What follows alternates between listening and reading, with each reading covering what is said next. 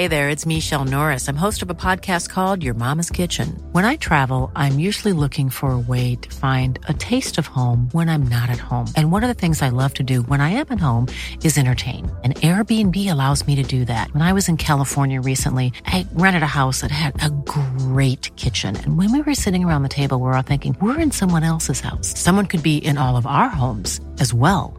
If you have a home, but you're not always at home, you have an Airbnb. Your home might be worth more than you think. Find out how much at airbnb.com/slash host.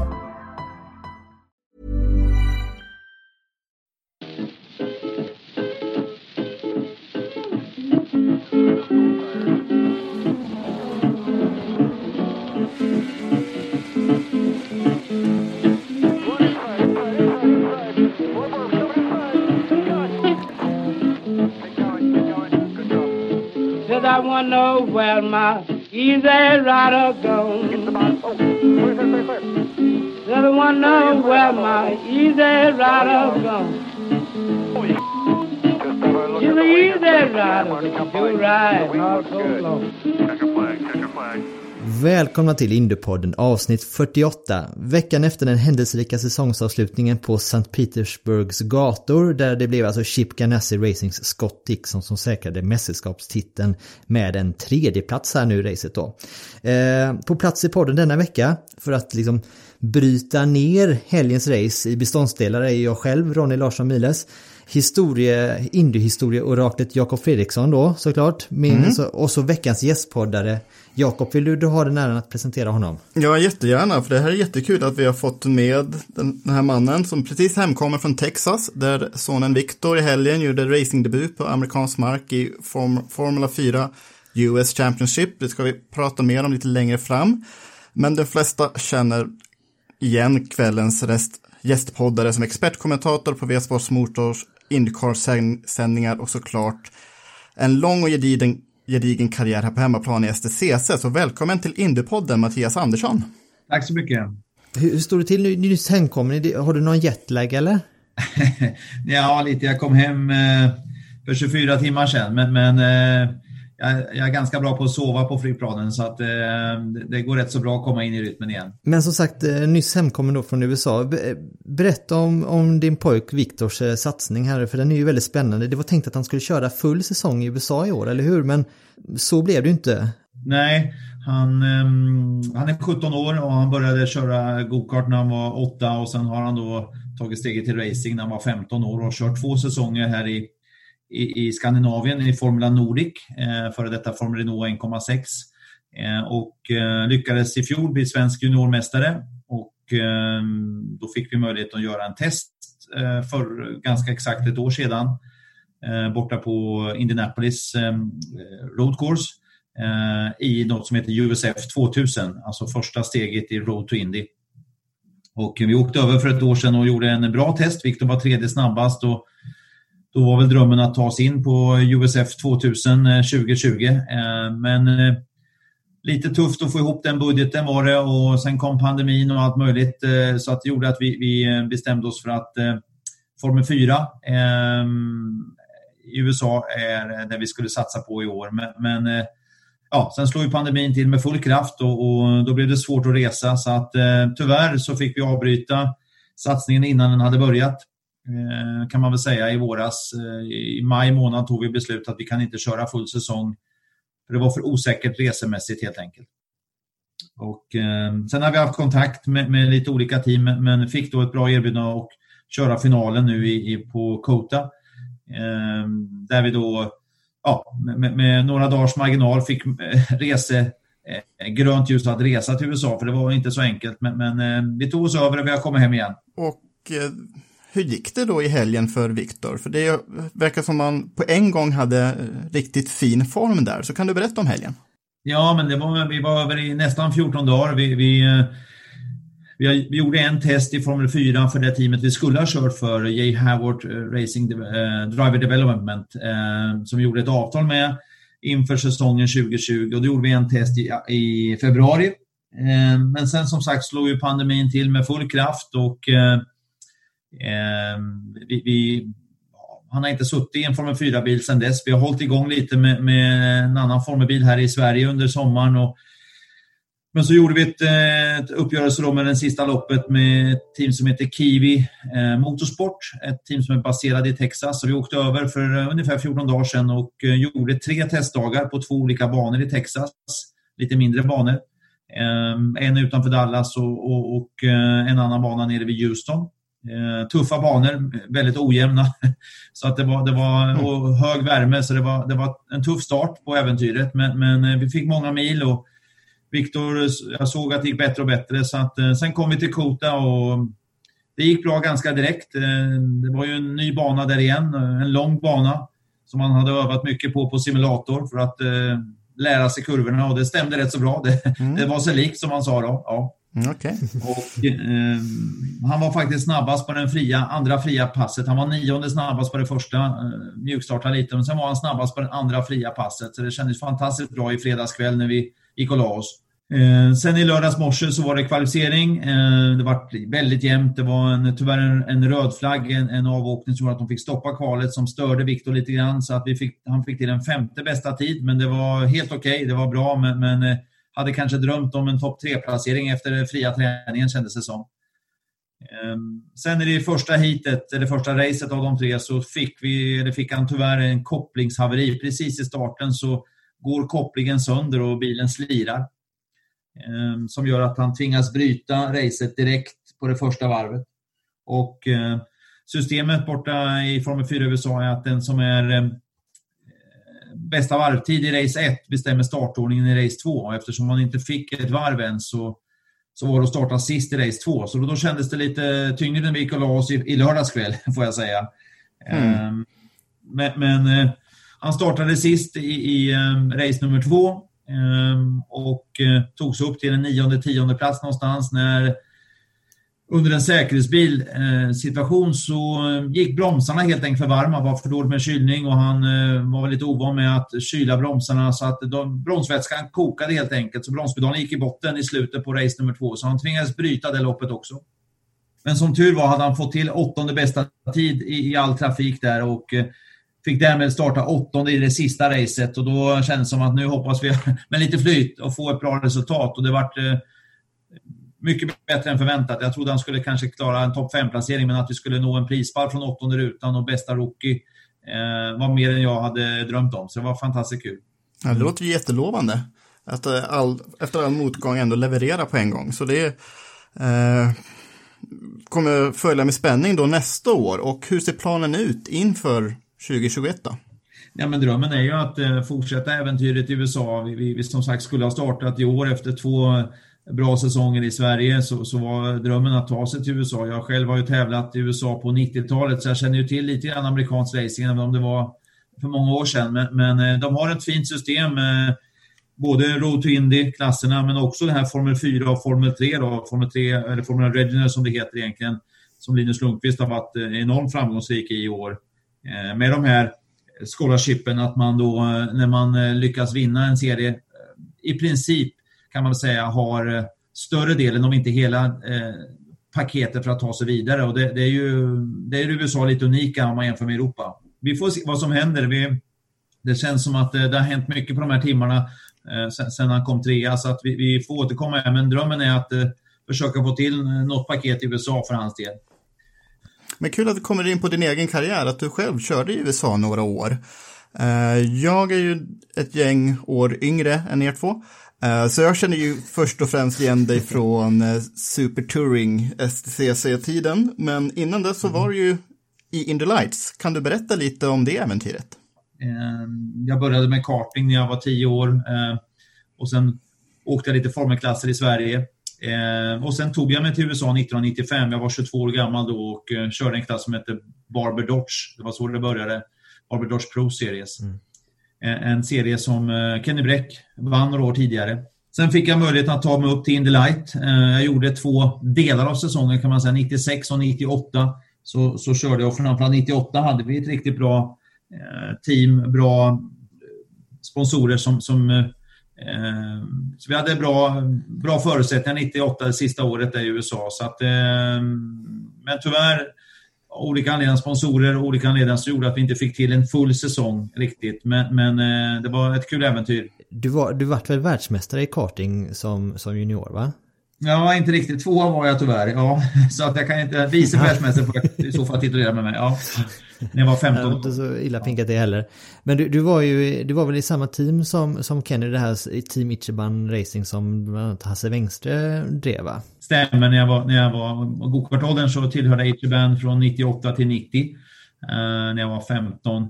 Så när jag blev tvåa i VM då så, så uh, hade jag support av, av Christer och Hasse och, och Team Ichiban. För sen då när du gick från F3 sen så körde du Clio Cup 94 och då hade ju Kenny hade ju redan vunnit Clio Cup då 92 och sen så gick du, tog du eh, rygg på honom i USA där och körde samma serie som du själv var inne på. Så är det, är det, var det en slump att du, att du på ett sätt följde i hans fotspår så eller var det eh, var, blev, vart du inspirerad av den vägen han höll på att ta då? Jag hade rätt så mycket kontakt med Kenny och, och även Janne Flash på den här tiden. Ehm, jag, jag, körde något som heter Formel Opel Lotus, var min första racingklass i, efter kartingen 91 och 92.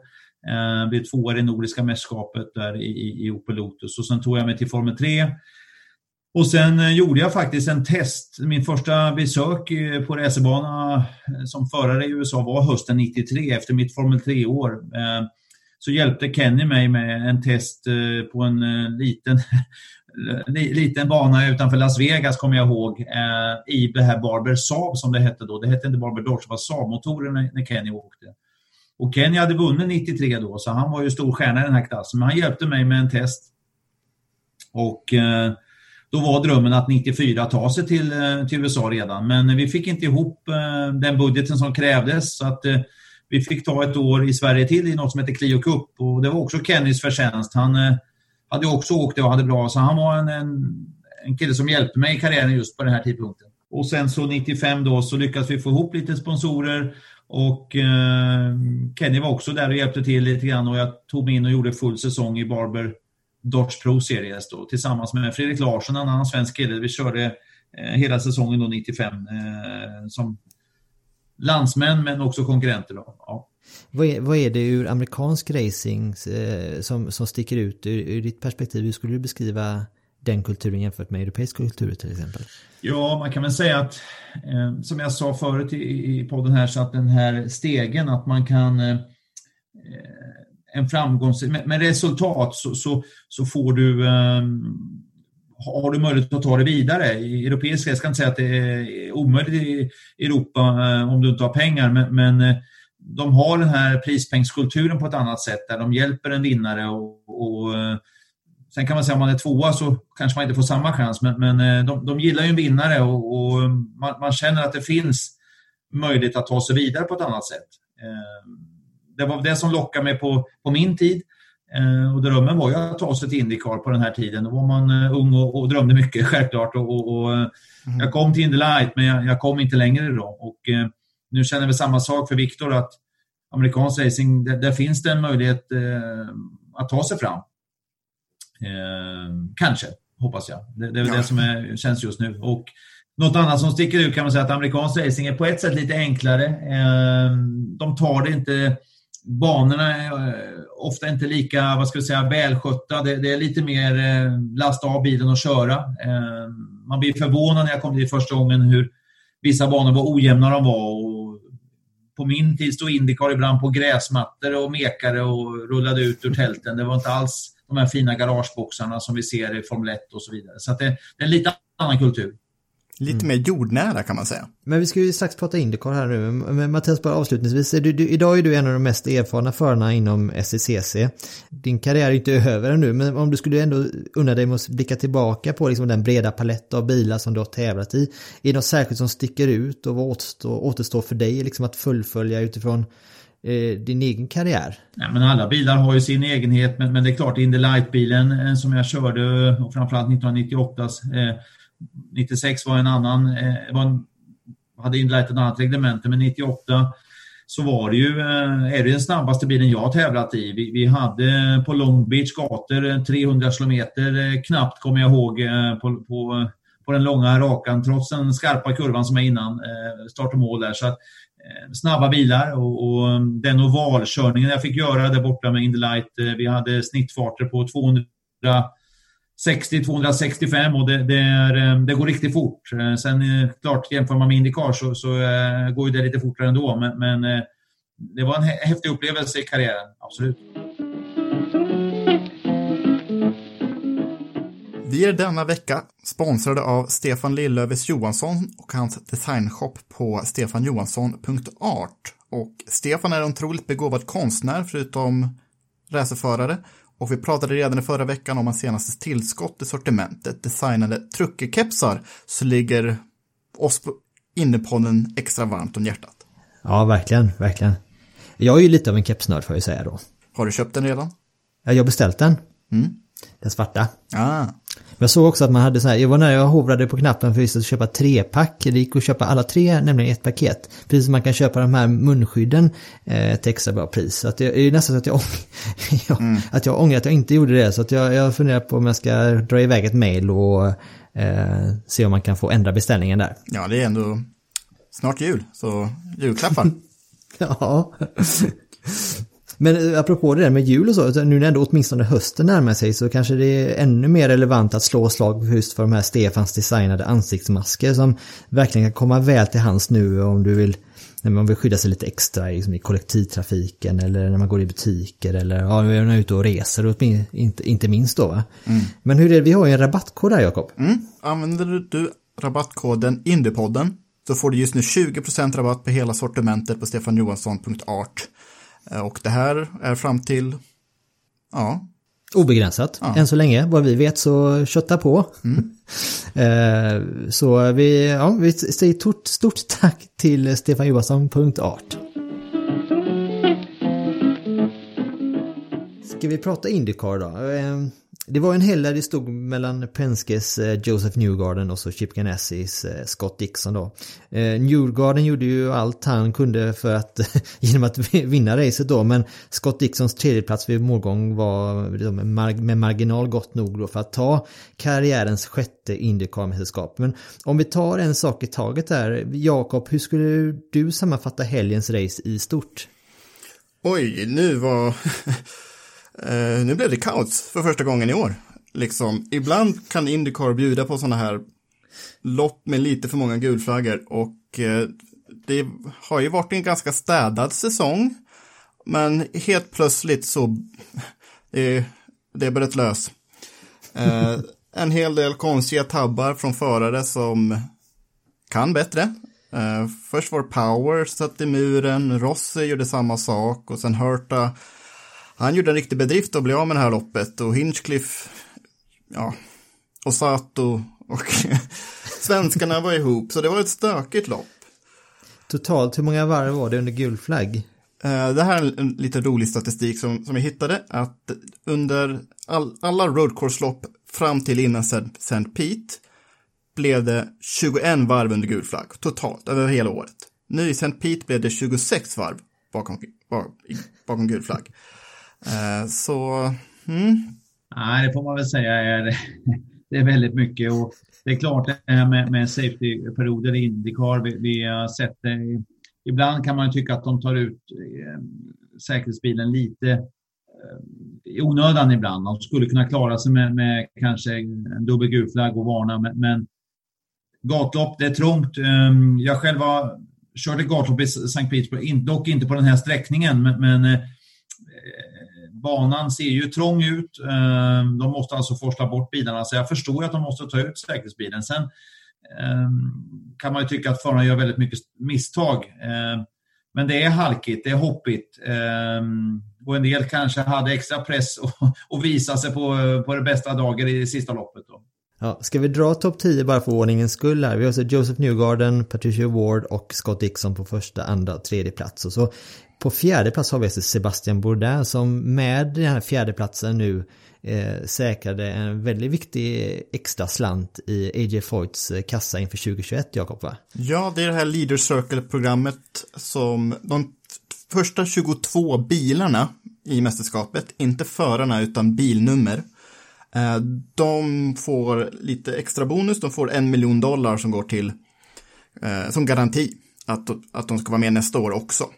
Mm. I och med den här fjärde platsen så tar AJ Foyts nummer 14 över 22 platsen i mästerskapet från Andretti Autosports nummer 98, alltså Marco Andrettis bil. Marco som hade ett okej lopp på G, han låg på en sjunde när Sato ja, var i farten och knuffade in honom i muren. Så att eh, Marco Andretti får nog gräva lite djupare i sina egna fickor nästa år ifall han ska fortsätta och det tror vi nog. Men eh, vilken räddare i nöden Bourdais blev här. Verkligen. Um, sen har vi femte plats Ryan Hunter Ray, sjätte plats Simon Pagenaud, Marcus Eriksson på sjunde plats, eh, åttonde plats Charlie Kimball, Graham Rail på nionde plats och så Takuma Sato, Holmin Sake på tionde plats. Så hade vi Oliver Askew på plats nummer 16 och Felix Rosenqvist på nummer 18 då. Men ur ett svenskt perspektiv så var det ju en tuff helg resultatmässigt, eller hur? Det var, det var en riktigt jobbig helg att bara bevittna, särskilt för Felix del som verkligen så här, det var inte bara stolpe ut, det var stolpe ut, fick bollen i fejan också. Eh, liksom, kvalet, eh, visst, han, han var i vägen för Palou, Palou som var på ett snabbt varv, men han hade ju fått info från stallet om att Palou var på ett utvarv. Det var den informationen de hade fått från ja, mjukvaran i, i datorn. Mm. Så det var ju maximal otur, men han, var, han förstörde för Palous kval, så då blev han bortpetad. Mm. Marcus var inte tillräckligt snabb för att gå vidare på kvalet, men hade ju ett lite lugnare lopp. Men de var ihop lite med varandra på slutet. Jag såg inte den Eh, incidenten något närmare, men Ronny, du tittar lite extra på det. Eh, ja, det fanns ju inte med i, i, eh, på tv-bilderna någonting då, men eh, det verkar som att, eh, som jag har förstått det som att det var Marcus låg ju efter och Felix hade ju, Felix alltså låg ju ett varv efter alla till sista, en av sista gulflaggorna där, där han liksom fick köra kapp sig på ledarvarvet då, och sen mm. var han till och med uppe på åttonde plats då före Marcus där. Eh, Marcus hade lite högre fart just då, dök på insidan in i kurva 1 och sen så hängde de sida vid sida då i det där kurvkomplexet efter det och så var de ihop, vilket gjorde att då Felix fick eh, gå i det på en extra gång då. Men det verkar ju som att av allt att döma inte att det var, det var ingen oschysst utan det var en race incident då. Men det som blev här nu, finns det inte, det var ju lite nattsvart då Jakob för dig, men det, helt nattsvart var det ändå inte för Alltså Felix blev ju 11 i mästerskapet efter detta, men Marcus uppkörning är nu till sjunde plats innebar och dessutom tog snabbaste varv i, i loppet då mm. innebär ju att han klättrade då från 15 till 12 plats i mästerskapet och tog sig bland annat förbi då Ferrucci eh, och så var det Jack Harvey och det var någon till. Mm som jag kommer på om en stund. Ja. Eh, I alla fall eh, med ett par poängs, eh, Conor Daly också med ah. ett, par, ett poängs marginal där. Så att en tolfte plats totalt här nu. Så att rent ur en poängskördsmässigt så ändå får han väl vara nöjd med en, en sjunde plats då. Men vi hade ju även Oliver Askew tillbaka i i, i bil nummer sju för McLaren då i sitt avslutande race då för säsongen och förhoppningsvis inte för Indycar-karriären. Vi får mm. räkna med att den fortsätter. Men Mattias, en liten fråga där nu. Eh, nu har du ju turerna kring Oliver Askew. Du har ju kommenterat en del för eh, V-sport Motor här nu under säsongen. Hur, hur, hur så innan det uppdagades att Oliver liksom hade problem med hjärnskakningssymptom efter Indy 500. Vad, var, var det en, en polett som trillade eh, på plats där när det uppdagades? För han hade en väldigt intressant och en väldigt stark inledning på säsongen. Ja, jag tycker han gjort, eh, gjorde jättebra i början och, och, och det, det, är lite överraskande tycker jag att han, han försvinner ur, ur teamet. Men, men eh, som sagt, eh, hälsan, om det är det som har påverkat eller om det är andra saker. Eh, jag har inte riktigt hängt med på vad, och de har väl inte uttalat sig var, varför han blir bortpetad helt enkelt. Nej, vi har ju spekulerat i detta i, i podden och, och hur det har varit att det har varit eh, kommentarer från managementet i samband med den här eh, man säga, affären med den här hjärnskakningen som har varit eh, att de har hamnat i onåd på något sätt hos, hos eh, McLarens ledning då. Men det vet vi ju som sagt inte. Eh, förhoppningsvis kommer vi kunna få lite mer klarhet i, i det framöver. Men han hade ju en habil helg, Oliver ändå. Eh, fram till stöket i loppet då när eh, Sato bestämmer sig för att dyka där det inte går att dyka. Eller vad säger du Jakob? Ja, jag tycker Sato körde lite väl vårdslöst även för att vara honom i det här loppet. Petar av två stycken, men i Indycar delar man inte ut bestraffningar för oschysst körning så himla lätt. Man gör det för att vara i vägen på kvalet ganska ofta och för att köra för fort under gul flagg. Men just det här med att peta av varandra, det låter man, det är lite som man brukar säga i Nascar, boys have at it. Och eh, ja, jag tycker det var riktigt synd att Askew inte fick ge ett topp 10-resultat, för han var ju på god väg att i alla fall vara före Sato i mål. Så mm, synd, och jag hoppas verkligen att vi får se honom igen nästa år, så han kan leverera likadant som han gjorde första hälften av den här säsongen. Oliver Askew vill man lägga, lägga, eh, bara flika in, han kändes ju som i början på säsongen så tyckte jag i alla fall att han höll jämna steg med sin teamkamrat och Pat Award, men Patricio Ward har ju verkligen tagit ett ordentligt kliv på den andra halvan och det kan ju också påverka att uh, Askew verkligen blivit nummer två i teamet, som jag tyckte kanske inte han var när säsongen började då. Då kändes det som att de var väldigt jämbördiga där då. Mm, mm. Visst var det så. Mm. Absolut. Och, och framförallt tycker jag att Oliver Askew åkte, väldigt, åkte bra på ovalerna framförallt. Askew såg stark ut i, i början på året på de ovalkörningar vi fick se. Men, men eh, sen klart, den där smällen sätter sig både, både i huvudet och kanske kroppen då. Ja. Men Jakob, eh, en titel då från Foyts rekord för, för Scotts del. Frågan, klarar han av att ta en sjunde då? Är det slut nu? um, uh, han, alltså de här sista sex loppen på året så tog ju Newgarden in mer än 100 poäng. Det är alltså ja, 15-20 poäng per tävling. Det var ganska mycket. Eh, Dixon vinner ju alltså mästerskapet med 16 poäng. Han ledde med 117 eh, efter första loppet på Gateway. Oj, jag vet inte. Han är 40. Mattias. Eh, ja. Tro, vad, vad, vad, tror du? Jag... Tror du att han kan fort, fortsätta vinna titlar efter 40? Ja, men jag gillar ju Scott. Alltså jag åkte in Light 98, han kom till Light 99, året efter jag lämnade USA ja. där och åkte för Stefan Lillövis och gjorde succé direkt, var otroligt snabb. 99-säsongen, eh, men, men hade några krascher och kom inte i mål. Så att han vann ju mästerskapet sen 2000 i Indy Light och sen tog han sig till Indycar och varit i Indycar sen 2001. Så att han har ju varit i 20 år i Indycar, precis lika länge som jag har varit i SSCC. Så att vi har 20 år båda två här nu i olika serier. Men, ja, men jag gillar Scott. Jag tycker han har visat, och framförallt början på året var ju magiskt bra. Um, och det kan ju vara så att han varit lite lite nöjd eh, och kände, jag, jag trodde ingen skulle överhuvudtaget ha en chans att närma sig eh, så pass mycket som Josef mm. Djurgården gjorde.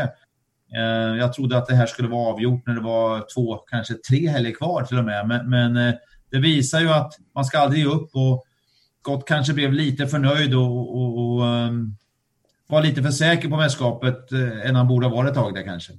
Definitivt att han kan, han kan ta en sjunde titel. Eh, han verkar fysiskt bra i form, han, han verkar eh, mentalt bra i form och, och, och, eh, är ju verkligen nummer ett hos Shishir Så att eh, eh, håller bara teamet ihop och, och, levererar en bra bil, så varför inte? Och i det här loppet så levererar han ju definitivt under press, liksom gör några snygga omkörningar, är säkerheten själv och gör sitt bästa resultat som det där loppet på Gateway. Det blev en tredje plats till slut och vi bara nämner lite siffror om Dixon, för jag gillar ju statistik. Eh, han är uppe i 50 segrar i Indycar. Eh, det är ju bara Foyt och Mario Andretti som är värre. Eh, det här var 16 raka säsongen med minst en seger. Och på de senaste 15 åren så har han kommit fyra eller bättre i mästerskapet 14 gånger. Det är ganska eh, otäckt bra resultat. Säkerheten själv, minst sagt. Och ja, ja det, det, känns dumt att räkna bort honom för framtiden också. Jag tycker bara att det är häftigt att alltså en sån veteran, en sån levande legend fortsätter leverera. Man, man tröttnar ju lite på när en och samma förare vinner om och om igen, men nu blir det i alla fall ett oerhört drama trots allt. Och jag tycker det är kul när motorsport är så spännande som det är, särskilt Indycar. Absolut. Men Mattias, om vi tar eh, en sån som, alltså, tar Scott Dixon och eh, Joseph Newgarden som känns spontant som de två förarna som har eh, liksom en edge och är mest mångsidiga av alla i det här Indycar-fältet just, just idag då. Vad är, deras, vad är det som gör dem så bra, den typen av förare? Ja, men det är väl att eh, båda har en, en hög lägstanivå känns det som och framförallt Scott Dixon om vi tar honom först så har han ju som, som du sa statistiskt där levererat säsong efter säsong och, och, bara att vara i Indycar i 20 år och motivera sig varje år och, och, och, vinna mästerskapet igen efter 20 år i samma serie visar ju att han, han är hungrig och han älskar att, att vinna och tävla känns det som. Då. Mm. Uh, plus att Chip Ganassi kändes som att de hade uh, kanske lite ett övertag i början på året.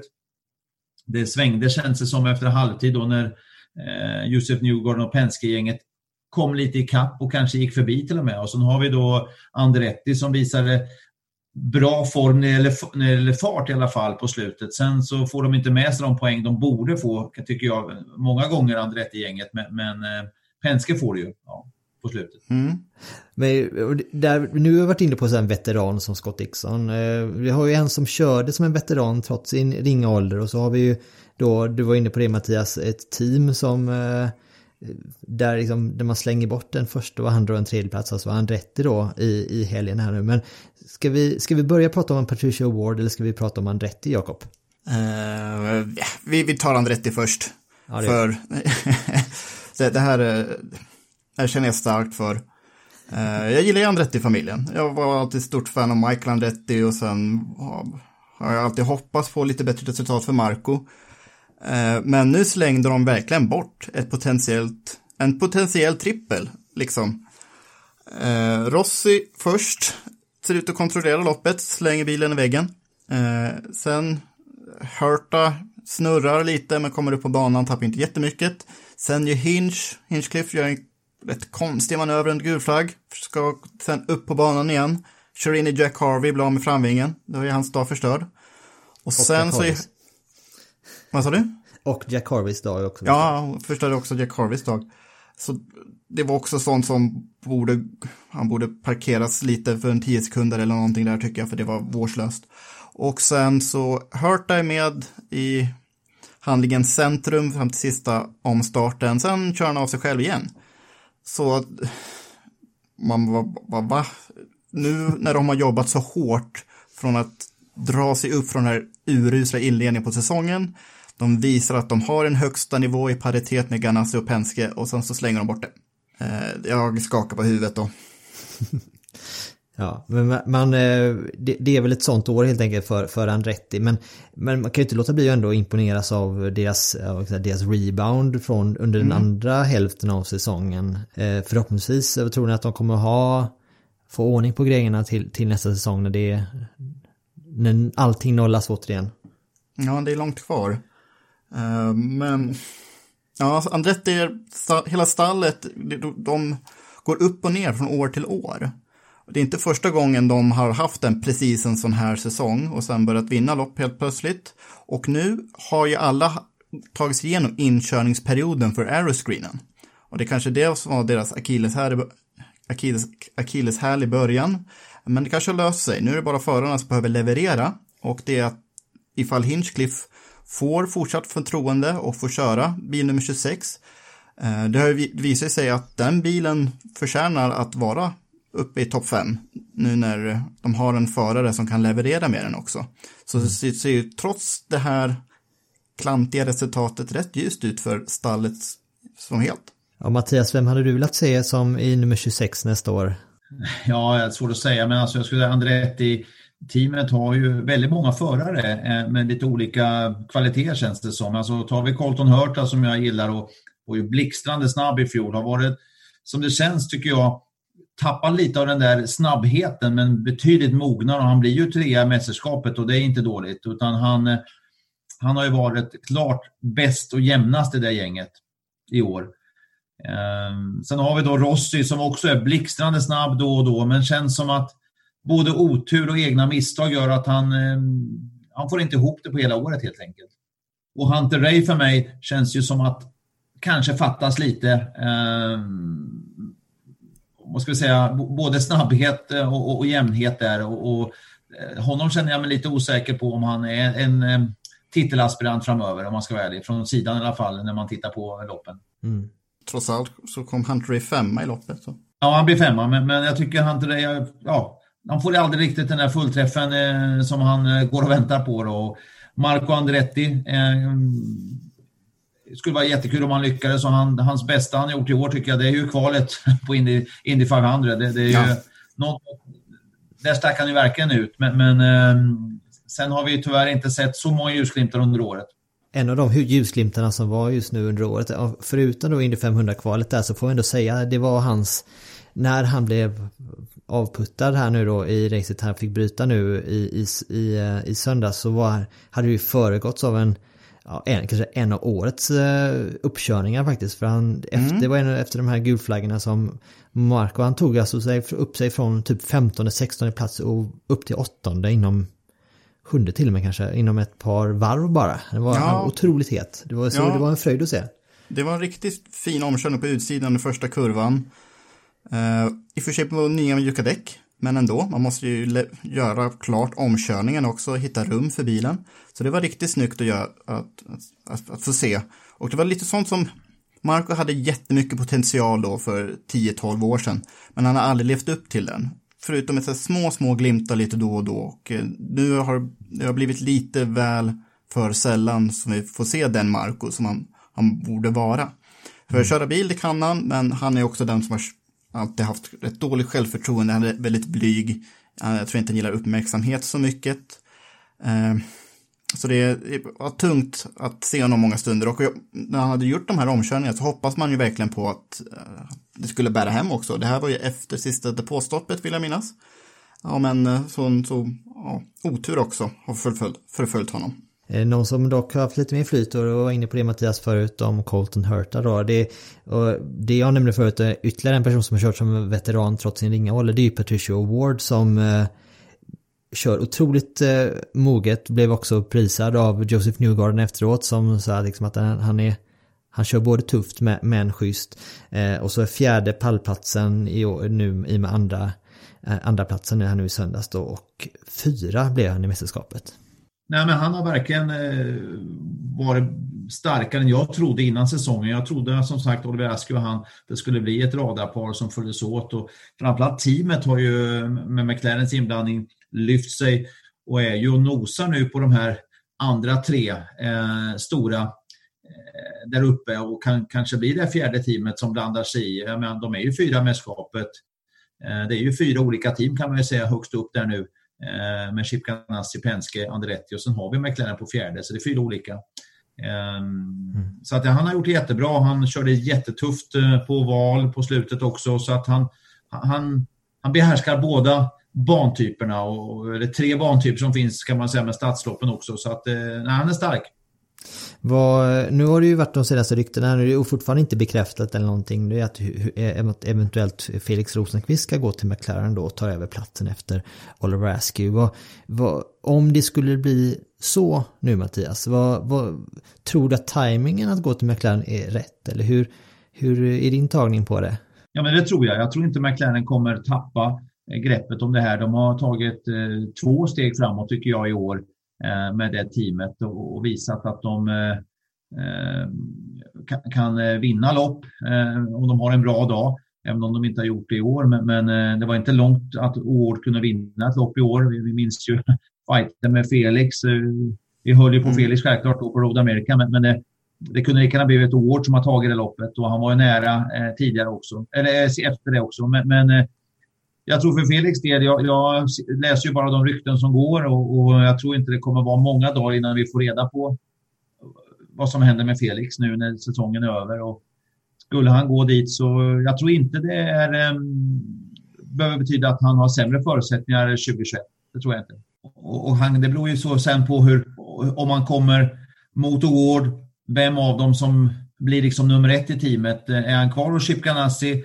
Ehm, så förstår man ju att det, är svårt att ta den där nummer ett-platsen så länge herr Dixon finns där. Och, och, och ehm, mm. Felix måste nästan vinna dubbelt så många lopp som Scott om man då ska vinna över överläget där i teamet. Och sen ska vi också säga några ord om Will Power som fortsätter att övertyga under kvalen och just under kvalen. Eh, han tog sin 61 pole position i karriären och den nionde på den här banan. Han har alltså tagit mer än hälften av alla pole positions någonsin i St. Pete. Dock så hans race, väldigt kort, såg inte särskilt bra ut. Han ledde första tre, fyra varven, sen... Eh, okej, okay, Ronny, vad, vad, tror vi? Gjorde han misstag eller var det verkligen problem med växellådan? Men är han känd för att skylla ifrån sig? Varför skulle det inte vara problem med eh, växellådan ja, då? Jag vet inte. Han, han, som Stefan Johansson kallar honom, Mr Doom and Gloom, så fort allting inte går perfekt. eh, han bromsade ju på sig där efter bakrakan, släppte förbi sig några bilar och sen så var han rätt och slätt långsam. Det var en sekund per varv han tappade på Andretti-bilarna framför och sen så satt han i muren. Um, jag tror att Roger Penske, i och med att han nu tagit in Scott McLaughlin på heltid inför nästa år, jag tror att Penske börjar tröttna på Power. Som eh, fortfarande är snabb på sina bästa dagar, men det, det har blivit lite för många konstiga tabbar under året. Så, mm. jag, jag, jag, vet inte, vad tycker du Mattias? Jag, jag gillar ju uh, Will Power. Jag tycker han är, är en frisk fläkt. Sen nog att han är svajig, men... ja, men jag tycker det alltså Newgarden, jag måste säga att Will Power har en härligare personlighet tycker jag eh, personligen. Att Will Power har snabbheten och, och, och men, men, som sagt eh, han är magisk på kvalen. Han pressar ut den där sista hundradelen eller tusendelen verkar som av bilen och, och när grepp på allting är perfekt så, så är han svårslagen. Men sen känns det ju som att han har otur, snedsträck, eh, vårdslös, misstag själv. Det, det, är svårt att bedöma men, men man kan inte skylla allt kanske på bilen utan eh, han får nog ta på sig lite av oturen om ni står rätt eh, här i år också. Mm. Men han blir ändå femma i mästerskapet. Han slår Simon Pagino Eh, och han är tvåa i Penske-gänget och han är nog väldigt trött på att vara tvåa bakom Djurgården tror jag också. Mm. Ja men sett till hans totalställning i mästerskapet då som du säger Mattias så är det ju kan man inte säga att han inte levererar men sen hade han ju kunnat leverera bättre om han hade haft lite mer eh, medgång i, i racen. Då hade han ju varit där uppe och, och hotat även om, om titeln kanske till och med. Men nu är jag ändå inne på kvalet här så jag känner det var ju det har ju varit lite så här diskussioner kring proffsigheten i Indycars eh, eh, organisation kontra Formel 1 till exempel. Så nu var det varit en halvtimmes försening mitt i, mitt i på grund av oklarheter kring bestraffningar och så. Det var, det var en halvtimme va, Jakob? Ja, jag höll, höll tiden, satt otålig i soffan. ja. Jag tror inte det kan bli värre än vad det, vad det var här. Eh, halvtimmes för, för, försening på grund av man ska dela ut bestraffningar, det är, är att ta i. Om det blir värre, då, då är det problem.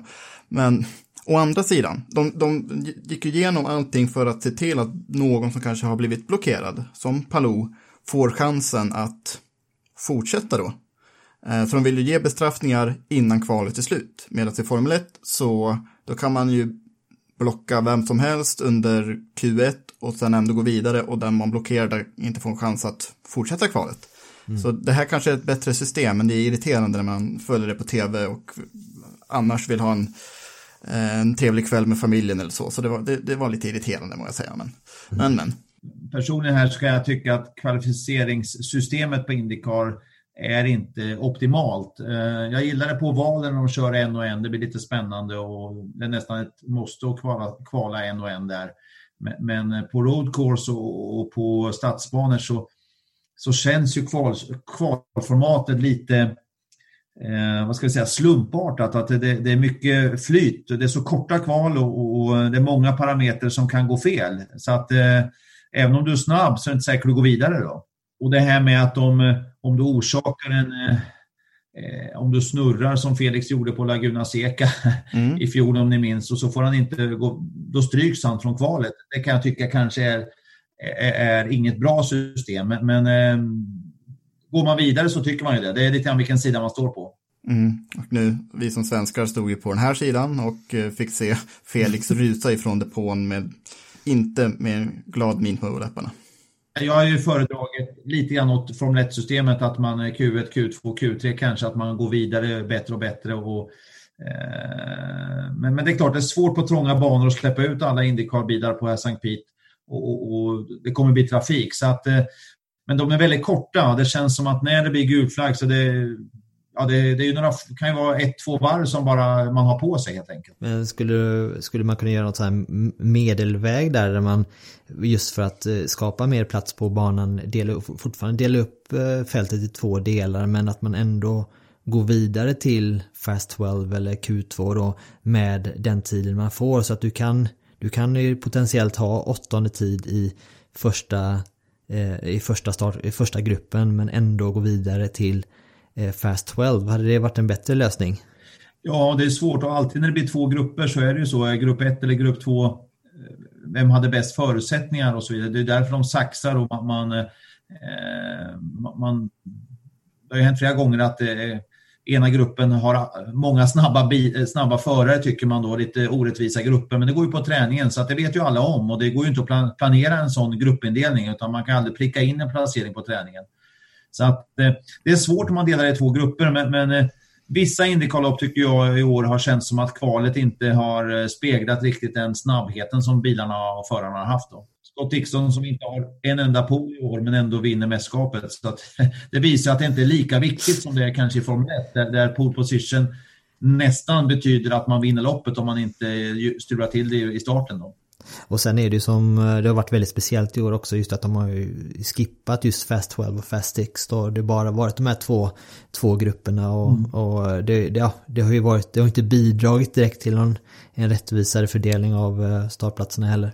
Nej, men, men det är väl det är som en styrka med Indycar också att, att eh, man behöver inte stå etta, tvåa för att vinna loppet utan man kan stå längre ner och det har vi såg vi ju Pagino som startade sist och vann ett lopp. Det är ju helt otroligt. Det tror man inte är möjligt eh, här i somras. Och, och, men det är, det är väl tjusningen med Indycar men också det som är, är väldigt speciellt med Indycar. Ja, så är det verkligen. Och ehm, ja, det, det, det här var ju liksom säsongens sista, sista race här nu. Det har ju varit onekligen en väldigt speciell speciell säsong för att uttrycka det mm. milt så. nu, har vi, nu ska vi ju i nästa avsnitt av Indypodden liksom eh, gå igenom säsongen i sin helhet då men ska men då så, Mattias nu ändå, ändå har det på tråden här nu. Nu har vi ju eh, svenskarna i mästerskapet här blev ju till slut då Felix Rosenqvist på elfte plats, Marcus Eriksson på, på tolfte plats och så har Oliver Askew på nittonde då, men som sagt missade ett antal eh, race här nu mot slutet då på grund av skada. Men hur, hur tycker du att deras säsong har varit så här när vi blickar tillbaka? Om vi tar Felix först så, så öppnar han ju säsongen bra, eh, precis som vi kanske hade förväntat, eller jag hade förväntat mig att han skulle vara med och, och slåss om prispallen. Lite otur och, och, och, kanske lite eget misstag där i Texas eh, när han då inte tar den här pallplatsen, andra platsen som han var på väg mot och kanske en seger också. Eh, och sen Road America är ju höjdpunkten när han vinner, som jag fick förmånen att kommentera eh, ihop med Robin Nilsson och, och eh, då kändes det som att Felix var superhet, men den andra halvan har väl inte riktigt varit det eh, han själv och vi hade hoppats på som gör att han eh, bara inom citationstecken blir 11. Jag trodde nog att han skulle vara en eh, topp 5, topp 6-förare i år. Mm. Har vi Marcus så eh, Eh, har han gjort eh, bra resultat. Han, eh, hans akilleshäl är ju kvalet, att han står lite för långt ner. Det uttrycker han ju själv också och, jobbar på det, men, det känns inte som vi har sett någon enorm förbättring på det under året, utan han sliter med det här kvalet och, gör bra uppkörningar, men, men han skulle behöva stå topp fem i några lopp och slåss om prispallen där för att eh, verkligen vara med och, och slåss om de här topp fem placeringarna. Mm, det är väl så jag ser det. Så att Båda två tror jag är lite besvikna med 11-12. Eh, det borde de vara. De borde ha lite högre målsättningar och eh, jag hade nog tippat dem topp eh, top 8 båda två att de skulle vara med och slåss där. Men, men det är inte många poäng som krävs och det hade ju räckt med, med en pallplats för, för eh, de var till. Eh, så hade de ju varit där och nosat på topp 8. Ja, det, det, är små marginaler och det är även små marginaler i kvalen så. Det är, så är det, ju, det, det är ju ett par tiondelar på fel sida så till exempel Marcus har då i, i, i kvalen den här säsongen och framförallt andra halvsäsongen. Men återigen, det är fortfarande två tiondelar som man måste hitta så här. Eh, men det, det är extremt små marginaler i Indycar och hela fältet är väl inom ja, under en sekund va? Under ett kval. Ja, det var ju superjämnt det är jättejämnt och, och, och man, från tv-soffan så tycker man varför åker de inte fortare men alla gör så gott de kan och, och, och Felix eh, har ju gjort fantastiska kval men också kanske några kval där, där, vi hade trott han skulle klara bättre men det är så små marginaler som sagt så att eh, Eh, men just vi pratar om mästerskapsställning 11-12 hade jag nog trott innan säsongen började att de skulle vara lite högre upp. Men, men eh, Felix har ju sin höjdpunkt på Road America när han vinner ett lopp och, och Marcus har gjort några fina eh, uppkörningar och, och mm, så att, att eh, en helt okej okay säsong för båda tycker jag. Ja. Oliver Askew, om vi ska gå in på honom då som, som halvsvensk så som sagt börjar han ju bra. Eh, sen missar han ju några lopp och, och blir ju bara 19 plats i mästerskapet och där hade jag väl trott att han skulle vara lite högre upp också. Men, men eh, med den smällen och det gör ju att han eh, tappar mycket mark där helt enkelt. Ska vi lägga St. Pete till handlingarna då? Och så, men avslutningsvis, eh, nu när vi ändå, vi var inne på det i början Mattias, när vi pratade om Viktor.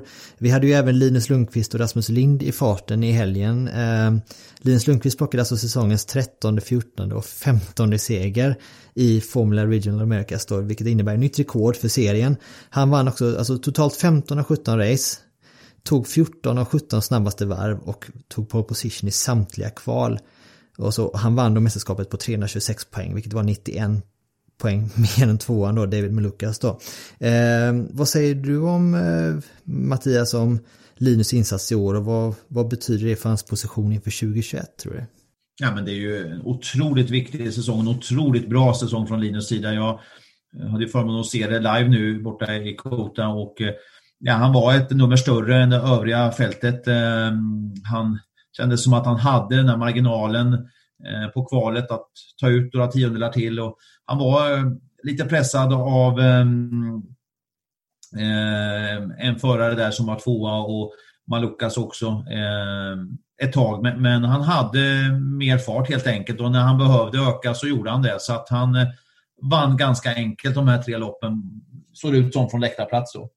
Så att, och det tror jag han har ju då skaffat det här scholarshipet och, och har då, om jag har förstått rätt, i princip eh, en full budget i Indy Light. Eh, ett värde, om jag förstår rätt, på cirka 900 000 dollar eh, i, i, i det här priset och eh, med motorkontrakt och däck och, och pengar som gör att han ehm, kan i princip välja team eh, och gå till. Så att jag, vad jag hör ryktesvägen så, så förhandlar de med lite olika team och vi kommer nog snart få reda på eh, vilket team han kommer köra Indy Light för. Så att det är ju en fantastisk chans han får och eh, det grundlade han ju med den här fina säsongen. Då. Tar vi Rasmus Lind så, så följde jag ju inte det på plats utan jag såg hans resultat. Han var fyra i det sista loppet och tycker jag helt eh, bra resultat. Eh, eh, han har inte suttit i den här bilen utan fick hoppa in vad jag förstår utan test och så vidare. Så att det, det är väl helt klart godkänt. För det hade han ju, han hade ju problem då under, under han kraschade ju lite lätt då under, under träningen och så fick han ju nöja sig med liksom en åttonde plats då i, i kvalet till race 1, körde upp sig till P, eh, där körde han upp sig till P6 tror jag. Mm. Eh, och så han kval, i andra kvalet satte han en P5 då och körde upp sig till en fjärde plats där. Men där slog han ju bland annat, höll han ju Stingray Robb bakom sig som var mästerskapssegrare då i, i år. Så att är, han har ju haft ett väldigt speciellt år, Rasmus. Han har ju kört både sportvagn och sen ett kort besök vid Porsche Carrera Cup Scandinavia och nu liksom ett dubbelrace i Indy Pro 2000. Men du, du Mattias som kan det här, hur stor utmaning är det egentligen att hoppa mellan klasserna så här som Rasmus har gjort i år? Det är klart det är lättare om man håller sig till en bil kanske, men det är också en, en, en styrka att kunna Eh, köra olika bilar och den här eh, Indy Pro-bilen har han ju tävlat med i fjol så det är klart det är som att komma tillbaka. Så jag tror att det, det tog nog några varv men det kom nog ganska snabbt in det. Men det, det är en svår bana att slänga sig in i. Eh, det gäller att ha marginal och inte åka i muren om man ska få alla varv på träningen. Men det är också fördelen med att hoppa in på en sån bana är ju att konkurrenterna kan ju heller inte gå och träna på de här eh, gatorna i Sankt Petersburg så att alla har ju liksom eh, börjat på noll där eh, för det året. Så att eh, det var nog kanske, kanske en fördel för, för eh, Rasmus där att inte hoppa in på en traditionell bana där de andra teamen har varit och testat. Eh, sen sportvagnen är nog den som är stora skillnaden för honom i år att lära sig den. Eh, för det är ju en tyngre bil Eh, lite annan typ av racing när man kör endurance och, och behöver inte ta ur den sista hundradelen utan det gäller att vara rädd om materialet och, och, och, ta bilen i mål. Och det har ju gått eh, bra där också, det jag har följt från, från, eh, från sidan. Då. Vad, vad, vad, säger ni nu, Jakob och Mattias? Vi har ju, nu har vi ju liksom tre svenskar i Indycar, eller två och en halv, vi säger tre. Mm. Eh, och så har vi ju återväxten eh, med Viktor Andersson och så Rasmus Lind och Linus Lundqvist liksom på, eh, på tillväxt och i supportklasserna. Där var, hur kommer svensk motorsport se ut i eh, amerikansk racing om, eh, låt oss säga, fyra år då? Det ser ljust ut. Alltså, det var länge sedan det fanns så här många svenskar som gör så bra ifrån sig också, för det här är ju inga dussinresultat. Det, det är liksom, alla levererar. Uh, nu har inte Rasmus fått så många tillfällen i år, men uh, även om när han varit utanför bilen så är han med och kör, kör skjortan av han som till slut vann mästerskapet. Uh, så jag skulle vilja säga att om tio år kommer Indypodden fortsätta prata om svenska racerförare i USA. Kanske med, kanske om killen som heter Andersson i efternamnet. Ja, det vore väl härligt och, och nej men det, jag tror att amerikansk racing för oss svenskar nu har ju, om jag tittar tillbaka på min karriär, vi pratar om Kenny Bräcke som visade vägen då för mig med, med de här instegsklasserna. Eh, Kenny tog sig ju sen självklart eh, upp till Indycar efter en liten omväg via Europa. Eh, men, men på den tiden var ju Stefan Lillövers Johansson där och, och, sen när Kenny, efter den kraschen Kenny var ute först, så, så dog ju lite amerikansk racing för oss svenskar eh, medialt och, och, svenska förare får inte över till, till, på USA på samma sätt. Men nu med Felix och Marcus så banar det ju väg och det ser man ju nu. nu eh, det, det, är en otrolig styrka att ha eh, landsmän i de högsta serierna och, och visa att det är möjligt att och, klättra där borta. Då. Så att jag tror det kommer att vara fler svenskar som försöker sig och komma till USA och söka lyckan. Även om det inte är så enkelt, eh, men, men eh, man måste ju försöka. Mm. Mm. Och ja, säsongen är över. Det är nästan lite emotionellt efter ja, allt som brakade loss i våras och sen så svenska framgångar, svenska motgångar, men vi tog oss igenom det här. Det känns riktigt skönt att faktiskt säsongen är över på något lite vemodigt sätt. Nu, nu kommer det dröja några månader med höstmörker och så, men eh, vi har i alla fall en ljus framtid att se fram emot. Vill jag. Det är en poäng jag vill hamra in liksom. Mm. Och Indycar-podden kommer ju såklart också fortsätta eh, våra avsnitt varje vecka här nu. I, i, vi kanske kommer ta en litet juluppehåll eh, förvisso. Eh, vi laddar om inför mm. säsong två. Men eh, vi kommer fortsätta här nu och snacka ner säsongen och ha lite intressanta intervjuer och så här nu de kommande veckorna. Det kan jag garantera. Och kommer faktiskt, eh, kan jag tipsa om det redan nu, att i, eh, nu i lite under andra halvan av den här veckan så kommer vi publicera ett antal omröstningar där ni ska få rösta på den här. Vi ska ha lite Indiepoddens prisutdelning till de bästa, vad har vi mm. för kategori Jakob? Årets omkörning måste vi rösta om, eh, årets uppkörning, eh, årets tabbe, lite sådana där grejer kommer vi pinga på i våra sociala medier, så håll utkik efter det. Årets frisyr såg jag också. Ja, jo. Ja, spännande. det finns några kandidater där också. ja, men så det kommer upp i våra sociala mediekanaler här nu under, under veckan så håll ögonen öppna för det. Eh, men det var allt för den här veckan. Vi passar på såklart att säga stort tack till alla er lyssnare. Vi älskar att ni är med oss varje vecka. Eh, vi säger också tack till våra samarbetspartners Automotorsport och TicoRacingShop.com. Och så särskilt tack då till veckans gästpoddare Mattias Andersson. Det var, har varit ett, en ära och ett nöje att ha dig med. Tack så mycket jag vet inte om du slår dig Jakob, men känns inte Mattias, så han, sättet han pratar på, hans det, det är lite så här utrikeskorre? Är det uh, ja, Mattias har väl varit Indycar-kommentator. men är det, är det så? Har du fått höra det förut Mattias? Okej, okay, det har jag inte hört förut. Nej, men... Nej. Så, och, du, och, du, och, din son har samma, ni låter nästan likadant när ni pratar, det tycker jag är, är, är kul. Så, men, så jag tänkte så här, skulle du vilja avsluta, göra oss den tjänsten att du avslutar med att säga det här är Mattias Andersson för Indiepodden Linköping. Det kan vi göra. Ska vi köra det nu? Ja, gör det. ja, ja. ja, det här är Mattias Andersson för Indiepodden i Linköping. Cause I wanna know where my easy rider gone Said I wonder where my easy rider gone. She's an easy rider, but she do ride hard so long.